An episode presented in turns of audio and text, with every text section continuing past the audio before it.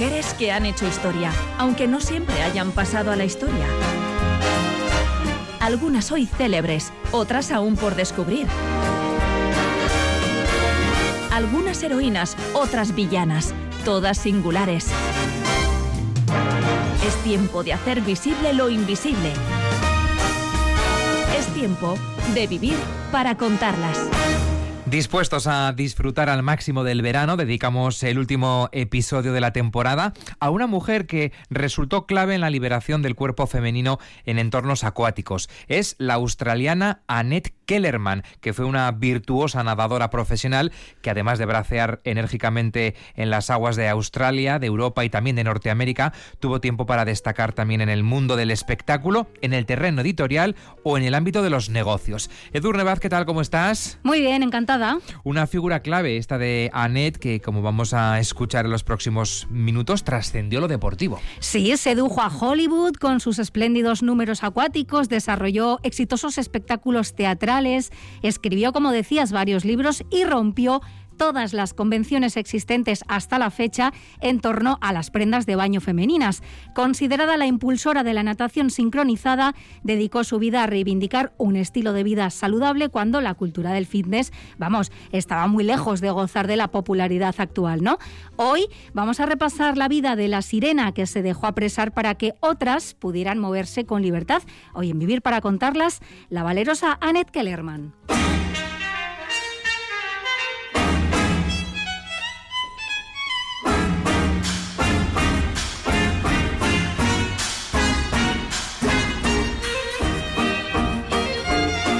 Annette Marie Sarah Kellerman nació en Merrickville, un suburbio de Sydney, el 6 de julio de 1886.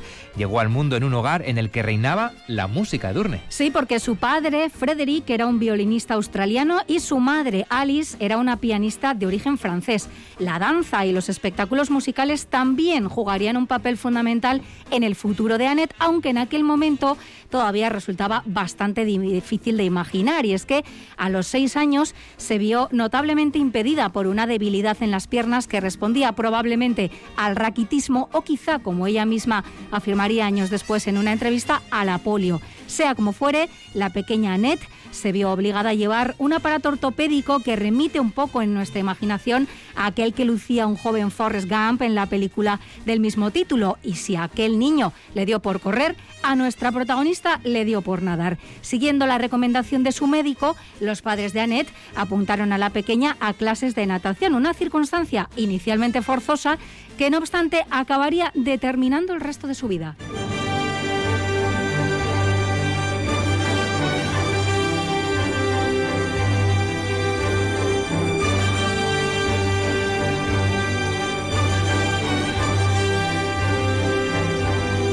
Y a pesar de esas limitaciones, a los 13 años las piernas de Annette ya casi funcionaban a pleno rendimiento y en torno a los 15 no solo ya dominaba todos los estilos de natación, sino que además ganó su primera competición. Eh, ¿Cómo empezó a ser su carrera como nadadora? Bueno, pues muy rápida también y muy notoria, ¿no? En 1902, a los 16 años, Annette ganó dos campeonatos femeninos en los que además estableció sendo récords. Por un lado, recorrió 100 yardas, algo más de 91 metros, en un minuto y 22 segundos. Y por otro, completó una milla, algo más de un kilómetro y medio, en 33 minutos y 49 segundos. En aquella época, su madre aceptó un puesto de trabajo como profesora de música en Melbourne, así que la familia tuvo que mudarse. No parecía suponer un problema para Annette siempre que en el lugar de destino pudiera seguir nadando, como por supuesto fue el caso. Al tiempo que estudiaba en su nueva escuela, siguió participando en numerosas exhibiciones de natación y buceo, al tiempo que, adelantándose algunas de sus futuras y exitosas actividades en el mundo del espectáculo, intervino en iniciativas peculiares como los espectáculos que vestida de sirena o nadando entre peces ofreció en el interior de un tanque de vidrio. Y a partir de ese momento su agenda de inmersiones, que llegó a incluir una actuación en el Teatro Real de Melbourne, sería ya imparable y, además, cada vez más desafiante.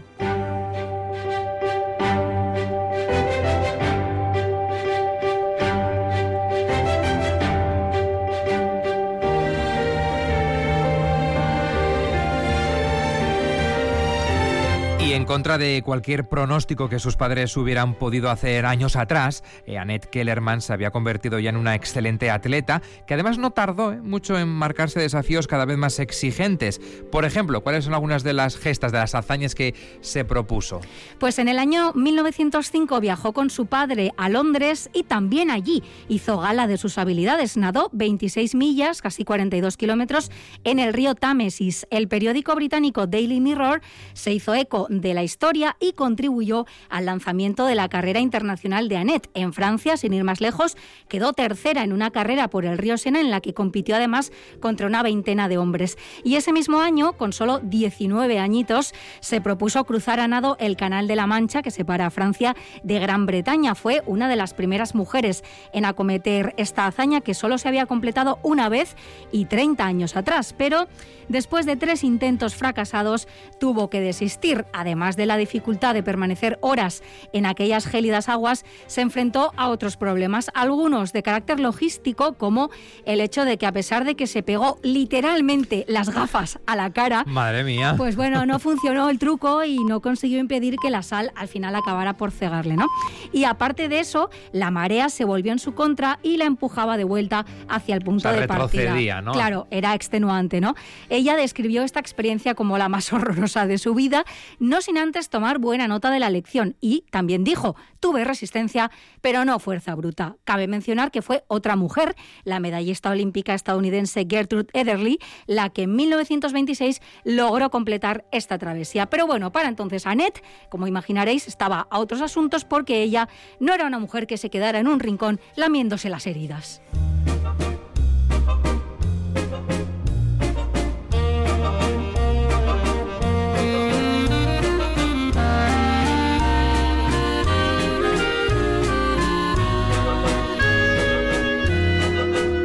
Canet Tenía tesón y tenía empeño en conseguir las cosas. Fíjense, en 1907, solo un par de años después de su intento de cruzar el Canal de la Mancha, Annette Kellerman volvió a hacer historia. ¿Por qué? Porque protagonizó el primer espectáculo de ballet acuático. Ballet acuático en el interior, una vez más, de un tanque de vidrio. Sí, lo hizo en el hipódromo de Nueva York y desde entonces está considerada nada menos la pionera de la natación sincronizada, ya que además contrataba a otras chicas con las que creaba diferentes coreografías que incluían música, danza y acrobacias en el agua, algo que ahora estamos muy acostumbrados a ver, ¿no? Y debido a sus espectáculos acuáticos, a sus llamativos disfraces de propia creación además, o a sus vertiginosos saltos de altura, pues Annette Kellerman empezaba ya a ser muy conocida y a recibir toda clase de mediáticos sobrenombres como la mujer pez, la Venus divina o la sirena australiana. Pero en mitad de aquel éxito había algo que le resultaba tremendamente frustrante y es que, como contábamos en el episodio dedicado a la historia del bañador, los trajes de baño femeninos de la época eran terriblemente pesados e incómodos porque eh, incluían una cantidad de prendas muy numerosa, ¿no? Por ejemplo, pantalones y medias, sin ir más lejos, algo que obviamente comprometía severamente el aerodinamismo de la nadadora, ¿no? Fíjate que en épocas de Juegos Olímpicos hemos descubierto bañadores que, que son cada vez más aerodinámicos, ¿no? que están hechos de unos tejidos que permiten mayor ligereza a la hora de nadar. Y que no se hundan. Eso, es, eso buscaba claro. Kellerman, ¿no? Exactamente, eso y la seguridad pues de que ese peso no la llevara al fondo, ¿no? Porque como profesional de la natación y convencida feminista, también es una cuestión que queremos destacar de Annette Kellerman, eh, reivindicaba el derecho a ponerse un bañador de una sola pieza que facilitara sus actividades acuáticas, algo que era fundamental. Sí, y que era un escándalo absoluto también para las pacatas mentes del momento, pero ella estaba decidida a utilizar esa creciente popularidad que tenía para provocar los cambios necesarios. Cabe destacar uno de sus primeros y muy sonados actos de rebeldía, porque en una exhibición deportiva ante la familia real británica se presentó con un bañador confeccionado por ella misma y, bueno, pues al cuerpo de un clásico bañador masculino, ella había cosido unas medias y unas mangas para lucir una única pieza que, mm, sin dejar centímetros de piel a la vista y no ofender a nadie, pues le permitiera nadar con comodidad. Pero ofendió a alguien. Hombre, por supuesto, porque es verdad que no se veía demasiada piel, pero el bañador en cuestión se ajustaba por completo a su figura, que por otro lado era espectacular. Horror, escándalo, murmullo en la sala, lipotimias y drama máximo, ¿no? Mientras su puritano público se recuperaba de aquello, Annette se dispuso a protagonizar el que probablemente sea uno de los episodios más conocidos y más difundidos de su biografía y que a mí me gusta imaginar con una música de este estilo.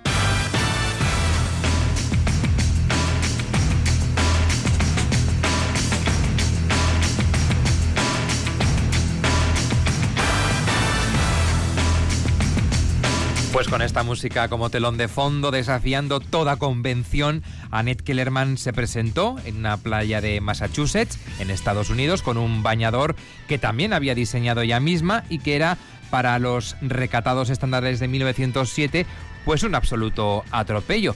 ¿Cómo era ese bañador en cuestión? Bueno, claro, imaginemos a aquella veinteañera briosa con esta música así tarantiniana que se paseaba por la arena desafiante con un bañador de una pieza de manga corta, ¡ah! horror, y con la pernera por encima de la rodilla. Muy similar en realidad a los bañadores que lucían ya los hombres, ¿no? Un traje de baño de lo más decoroso que a los ojos de los allí presentes, pues claro, era como ir prácticamente desnuda, ¿no? Recordemos que en aquel momento, y hasta bien entrados los años 20, existía la penosa figura del medidor de bañadores, que era un hombre que metro en, mano, se paseaba por allí, por la playa, midiendo la largura de los bañadores para evitar que las mujeres mostraran más que los 15 centímetros de muslo que permitía la ley. Y ahí va él con el metro además a tocar muslo para ¿Y qué ocurría si no se cumplían los estándares? Bueno, en caso de que las apercibidas no se cubrieran o abandonaran inmediatamente la playa, podían ser conducidas a comisaria, ¿no? Pues bien, se cuenta que fue una señora de evidente alma victoriana la que denunció a Annette aquel día ante la policía y que Kellerman fue detenida por comportamiento indecente. Ante el juez, alegó imperativos técnicos. Ella argumentó que para nadar necesitaba un atuendo apropiado que le permitiera mantenerse a flote y que para una profesional de la natación como ella, las prendas convencionales eran del todo ineficaces, además de entrañar riesgo de hundimiento y ahogo, como decíamos, por el peso de toda esa ropa mojada, ¿no? Fue absuelta, aunque eso sí, con la advertencia de que al menos se dejara puesta la falda hasta el mismo momento de entrar en el agua, ¿no? Pero la semilla del cambio ya estaba sembrada y la valentía de Annette ya empezó a inspirar a muchas mujeres. Y estamos viendo, ¿no? Que liberarse de las prendas eh, opresivas era para ella fundamental de cara a esa emancipación femenina. Ella daba mucha importancia al cuerpo de la mujer en el camino hacia la emancipación. ¿no? En una entrevista concedida en 1912 afirmó que el corsé había contribuido enormemente a la debilidad física y la cobardía de las mujeres. No puedes ser valiente, dijo, si tu diafragma es estrujado y ni siquiera puedes respirar correctamente. Y de hecho, no mucho tiempo después se empezaron a ver en la playa bañadores mucho más cómodos y funcionales que los disparatados modelos que habían hasta el momento, ¿no? Annette, fiel a su carácter emprendedor, hizo mucho más que reivindicarlos. Los diseñó, en ocasiones hasta los fabricó y, por supuesto, los comercializó. Y su éxito fue de tal magnitud que aquellos modelos de bañador se acabaron conociendo genéricamente como los Kellerman.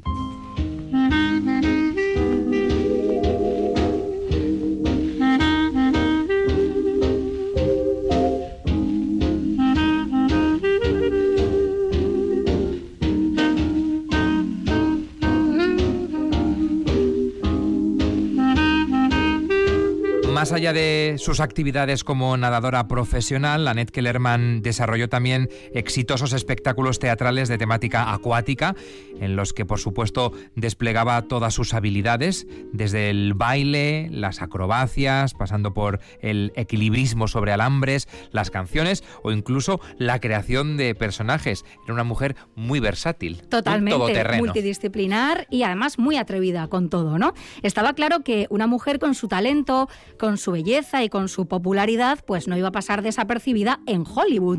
El cine llamó a su puerta y ella, que no hacía cosa nada, la abrió. Participó en una docena de películas con títulos como La hija de Neptuno, La reina del mar o La Venus de los mares del sur, en las que por supuesto hacía gala de sus destacadas habilidades acuáticas y de esa característica osadía, ¿no? En la película La sirena de 1911 se convirtió en la primera actriz que aparecía con un traje de sirena diseñado, como no, por ella misma, como los que lucirían después otras actrices del género, ¿no? Como Glynis Jones, Esther Williams o, bastantes años más tarde, Daryl Hannah. También como sirena.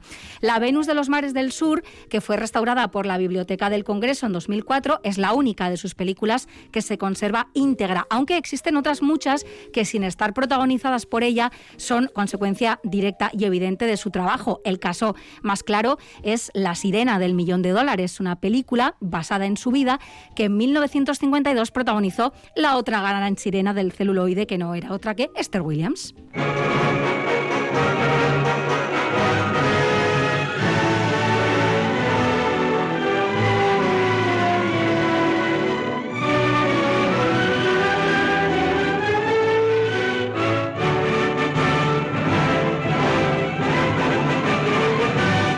otra cuestión que siempre suele repetirse cuando se habla de Annette Kellerman y que además se convirtió de facto en otro de sus muchos eh, sobrenombres. Eh, ¿A qué episodio de su biografía nos estamos refiriendo y nos vamos a detener ahora?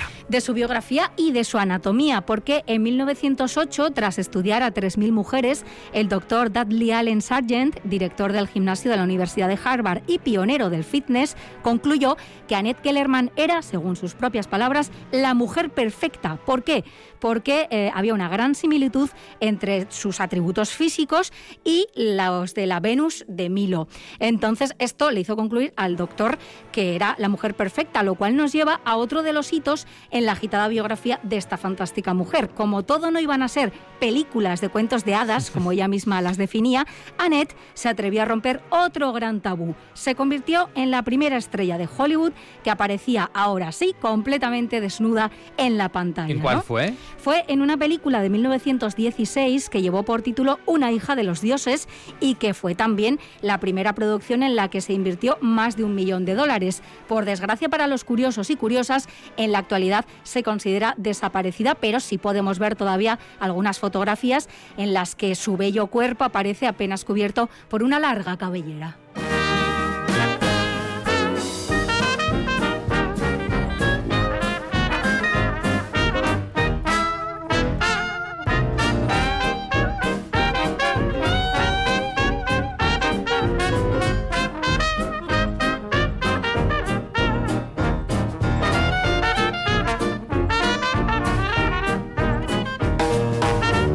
Ya estamos descubriendo a Annette Kellerman como una mujer multidisciplinar que abordó muchísimos eh, campos y además de su prolífica carrera deportiva, escénica o cinematográfica, Annette Kellerman también tuvo tiempo y escribió varios libros, entre ellos Cómo nadar. Se publicó en 1918, pero llegaron otros éxitos también. Sí, por ejemplo, otro de los libros más conocidos que escribió llevaba por título Belleza física, cómo mantenerla, y en él compartía algunos consejos para llevar un estilo de vida saludable y mantenerse en buena forma física. Y es que este fue un tema en el que Annette trabajó mucho desde un punto de vista divulgativo, con una gira de conferencias por Europa y América, colaborando en diversos medios de comunicación o poniendo en marcha siempre pionera cursos por correspondencia sobre esta temática, ¿no?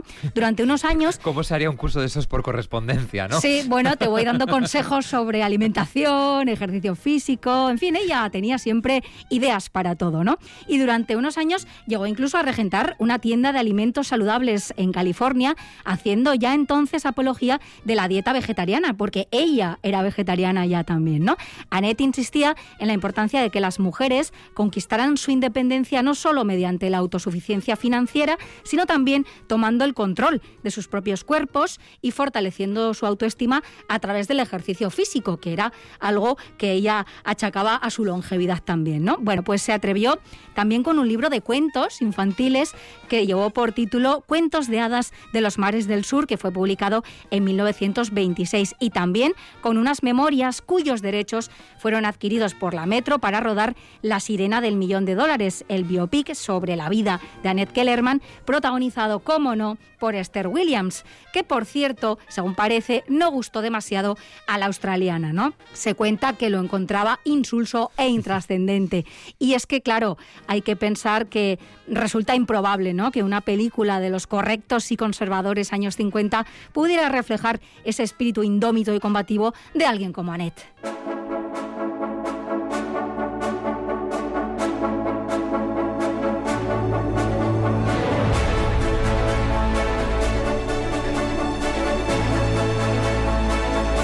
Vida muy ajetreada, muy prolífica en muchas materias la de Annette eh, Kellerman, pero a pesar de todo ello, también tuvo tiempo para casarse, para enamorarse. Por supuesto, se casó con su manager, el estadounidense James Sullivan, que fue un hombre, un compañero que siempre celebró sus éxitos y la animó en sus desafíos, que esto en su época era algo que, como sabemos, era poco frecuente. ¿no? En 1970, en la última etapa de sus vidas, James y ella se instalaron en Australia, el país de origen de Annette, y allí falleció, ya viuda, el 6 de noviembre de 1975 a los 89 años, longeva, como decíamos, porque había llevado una vida muy saludable, ¿no? Y como cabría esperar, se mantuvo activa hasta el final de su vida, no dejó de nadar hasta muy poco tiempo antes de morir, y los restos mortales de esta legendaria sirena fueron de forma tan apropiada como poética esparcidos en la gran barrera de coral que bordea las costas australianas.